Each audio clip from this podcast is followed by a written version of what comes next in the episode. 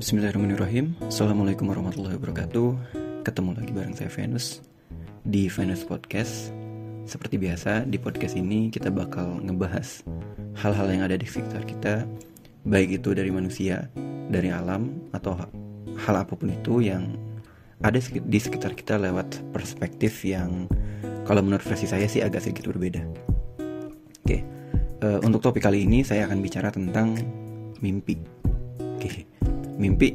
Kalau misalkan kita bicara tentang mimpi ada dua ada dua analogi ya atau ada ada dua maksud. Ada dua jenis mimpi mungkin bahasanya lebih sederhana seperti itu. Yang pertama mimpi dengan definisi kembang tidur. Kalau ini kan hampir semua orang sudah tahu. Kalau kita tidur biasanya dalam fase di mana kita antara hidup dengan mati itu kita akan mengalami mimpi.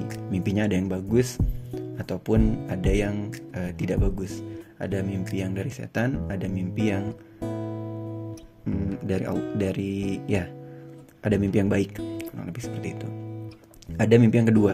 Mimpi yang kedua ini yang biasa dibahas sama motivator. Kamu mau punya mimpi apa? Udah gede kamu menjadi apa? Punya solusi apa? Dan bla bla bla. Nah kayak gitu. Ada dua jenis kayak gitu ya. Ini memang bukan bukan arti yang sesungguhnya ya tapi saya mengklasifikasikannya menjadi dua jenis mimpi tersebut. Nah, e, bicara tentang dua jenis mimpi tersebut, yang akan dibahas di sini itu bukan mimpi. Yang akan saya bahas di sini bukan mimpi kembang tidur. Karena kalau pada akhirnya kalau misalkan saya ngebahas tentang mimpi kembang tidur, saya nanti takutnya disangka peramal mimpi. Padahal saya nggak tahu apa-apa tentang pembacaan itu. Yang akan saya bahas di sini adalah mimpi yang kalau diartikan e, maksudnya pencapaian target, keinginan, cita-cita. Nah, kurang lebih kayak gitu. Mungkin kebanyakan orang memang mengenalnya dengan istilah mimpi ya. Ada orang yang kenalnya dengan mimpi, ada yang orang kenalnya dengan cita-cita, ada yang orang kenalnya dengan pencapaian, target dan lain sebagainya. Tapi istilahnya saya lebih senang pakai mimpi. Mungkin agak kelihatan lebih keren ya. Nah, bicara tentang mimpi yang kedua ini, uh, kadangkala itu berubah seiring dengan fase hidup kita berubah. Gimana sih maksudnya? Maksudnya gini, pernah ngerasa nggak sih dari dulu dari dari waktu masih kecil sebelum masuk SD uh, eh, jadi SD SMP SMA kuliah dan lain sebagainya kita tuh seolah kayak mimpi itu berubah-ubah. Uh, nggak salah nggak salah memang mimpi berubah-ubah karena mimpi berubah-ubah itu uh, di uh, ada ada ada faktor internal dan eksternal yang membuat hal tersebut ya seolah tidak konsisten.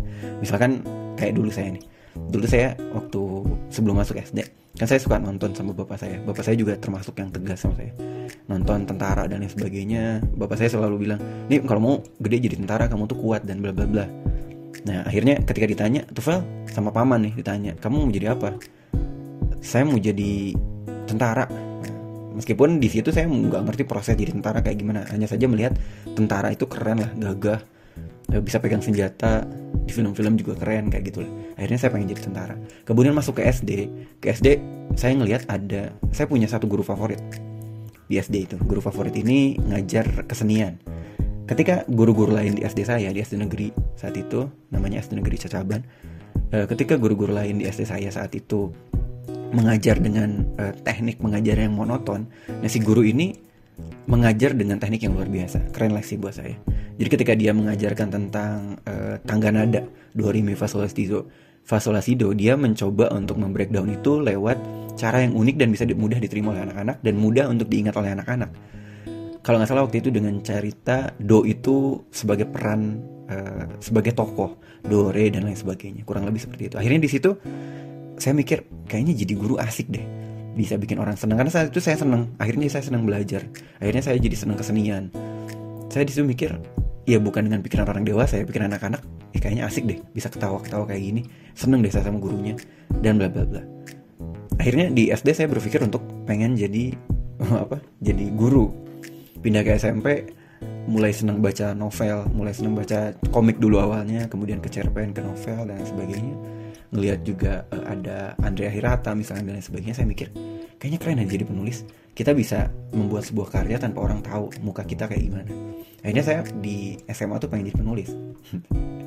Kemudian ketika sudah SMA berbenturan lagi dengan berbagai masalah hidup dan lain sebagainya at least uh, saya hanya melakukan apa yang terbaik yang bisa saya lakukan sekarang.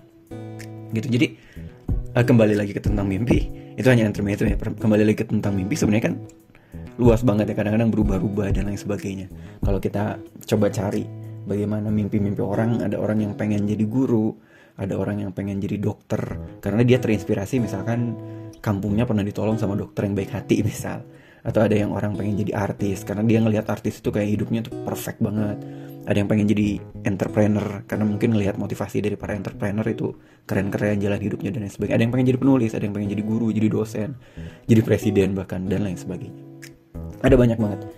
Uh, yang memotivasi mimpi tersebut itu berbeda-beda. Bisa jadi orang tuanya gurunya mentornya bisa jadi lingkungan sekitarnya dan lain sebagainya. Ada yang pengen jadi preman juga mungkin karena lingkungan sekitar mendidik seperti itu. Nah, tapi teman-teman pernah coba bertanya gak sih? Maksudnya kita ambil dari sisi mimpi yang bagus deh. Mimpi pengen jadi dokter, pengen jadi guru, pengen jadi apa ya, pengen jadi presiden, pengen jadi menteri dan lain sebagainya. Kita pernah mencoba bertanya gak sih? Bertanya pada diri kita sendiri. Apakah sebenarnya mimpi yang kita ingin capai itu, mimpi yang semua mimpi yang kita sebutkan itu adalah hal-hal yang Allah ridho gitu. Maksudnya kayak pernah bertanya gak sih emang kalau gue jadi dokter Allah bakal ridho dengan itu gak sih gitu? Atau emang Allah nyuruh kita jadi dokter gitu? Atau Allah nyuruh kita jadi dosen gitu? Ya secara spesifik kan tidak ada ya sebenarnya. Jadi pernah coba nanya gak uh, apa mimpi-mimpi yang saya impikan sejauh ini? Apakah Allah ridho? Apakah yang akan mengoptimalkan tugas saya menjadi seorang hamba dan dari zat yang maha agung atau enggak gitu? Karena pada pada faktanya kalau kita coba baca kitab suci kita Al-Qur'an di sana mencakup banyak hal yang bisa kita pelajari. Bukan cuma kita baca ya, kita pelajari, kita coba amalkan. Di dalamnya mencakup tentang pelajaran tentang umat-umat terdahulu, pelajaran tentang tauhid, pelajaran tentang hal-hal yang memang berkaitan dengan fungsi kita sebagai seorang muslim. Karena salah satu poin yang saya garis bawahi adalah menjadi seorang hamba. Sebenarnya kita di kalau misalnya kita coba runut lagi, kita diutus ke bumi nggak pernah tuh disuruh jadi dokter, ya nggak sih? kita nggak pernah disuruh jadi dosen misalnya gitu kita disuruh kita kita ada di bumi itu untuk menjadi seorang hamba. Hamba dari zat yang maha agung dari Allah subhanahu wa taala. Nggak ada yang nyuruh jadi dokter gitu. Gitu loh. Nah kalau kita korelasikan apa, apa yang kita impikan sejauh ini apakah memang benar-benar sesuai dengan apa yang Allah perintahkan atau tidak? Gitu pertanyaan saya. Dan itu berlaku. Pertanyaan saya ke diri saya sendiri. Tapi jangan salah juga jangan salah kaprah juga. Nanti ada yang bilang lagi eh bro ya ya emang gue nggak boleh bermimpi ya karena memang Allah nggak nggak ada nggak nyuruh kita jadi dokter emang gue nggak boleh bermimpi gitu. Padahal kan jadi dokter itu nolong orang mulia. Padahal jadi apa ya jadi guru itu bisa ngajar itu mulia misalnya dan lain sebagainya. Betul that's right. Saya tidak saya tidak mem, tidak saya tidak mempermasalahkan jadi guru jadi dokter atau dan lain sebagainya. Yang saya tanyakan adalah apakah poin-poin atau hal-hal yang kita impikan tersebut memang uh, seperti yang Allah titahkan atau tidak. Karena pada faktanya sebenarnya kita diutus di bumi menjadi seorang hamba gitu sih.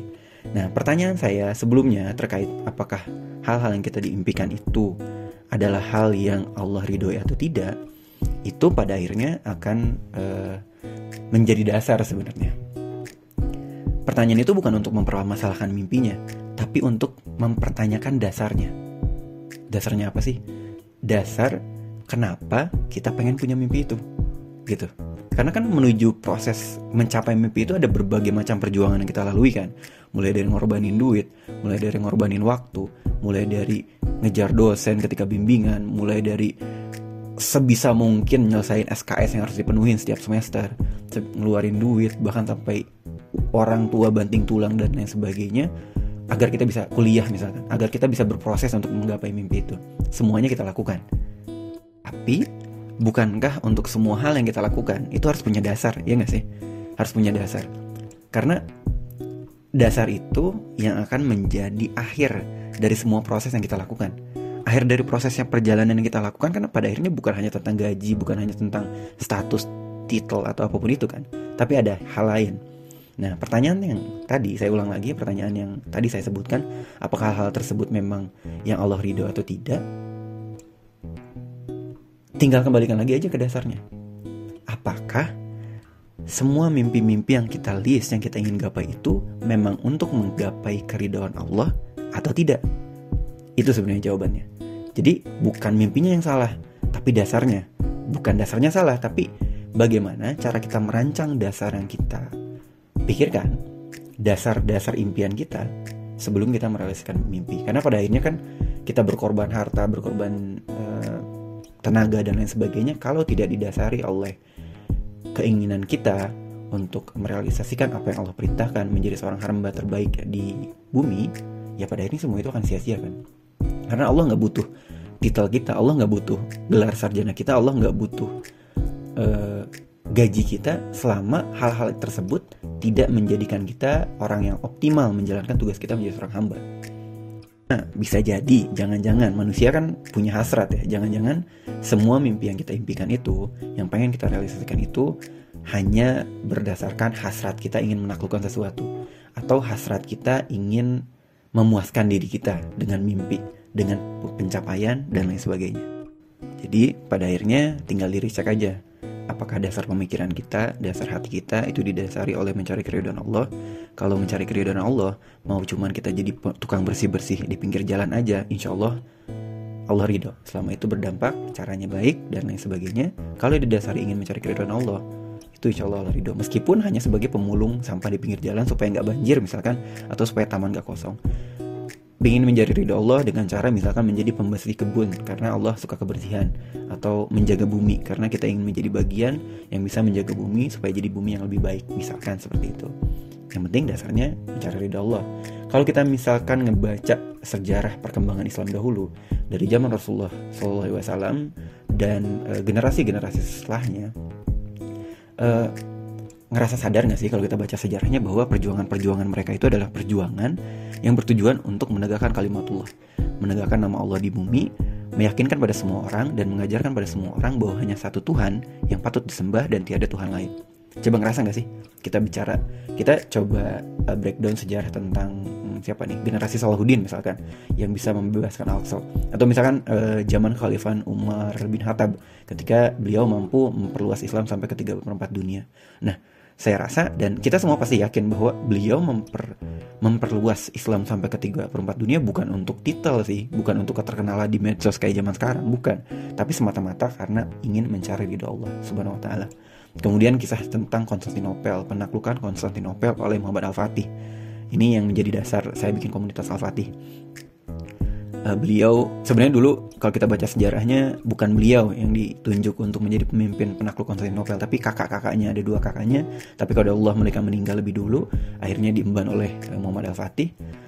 Uh, dan akhirnya beliau mampu menaklukkan Konstantinopel tapi apa dasarnya? Dasarnya beliau karena ketakwaan kepada Allah. Dasarnya karena ingin mencari ridho Allah. Dasarnya karena dia ingin uh, merealisasikan apa yang sudah Rasulullah sebutkan di zaman Rasulullah di mana uh, nanti kelak akan ada pemimpin yang sebaik-baiknya pemimpin dan uh, prajurit adalah sebaik-baiknya prajurit yang akan menaklukkan kota Heraklius katanya. Roma dulu atau Konstantinopel dulu sebenarnya? Konstantinopel dulu.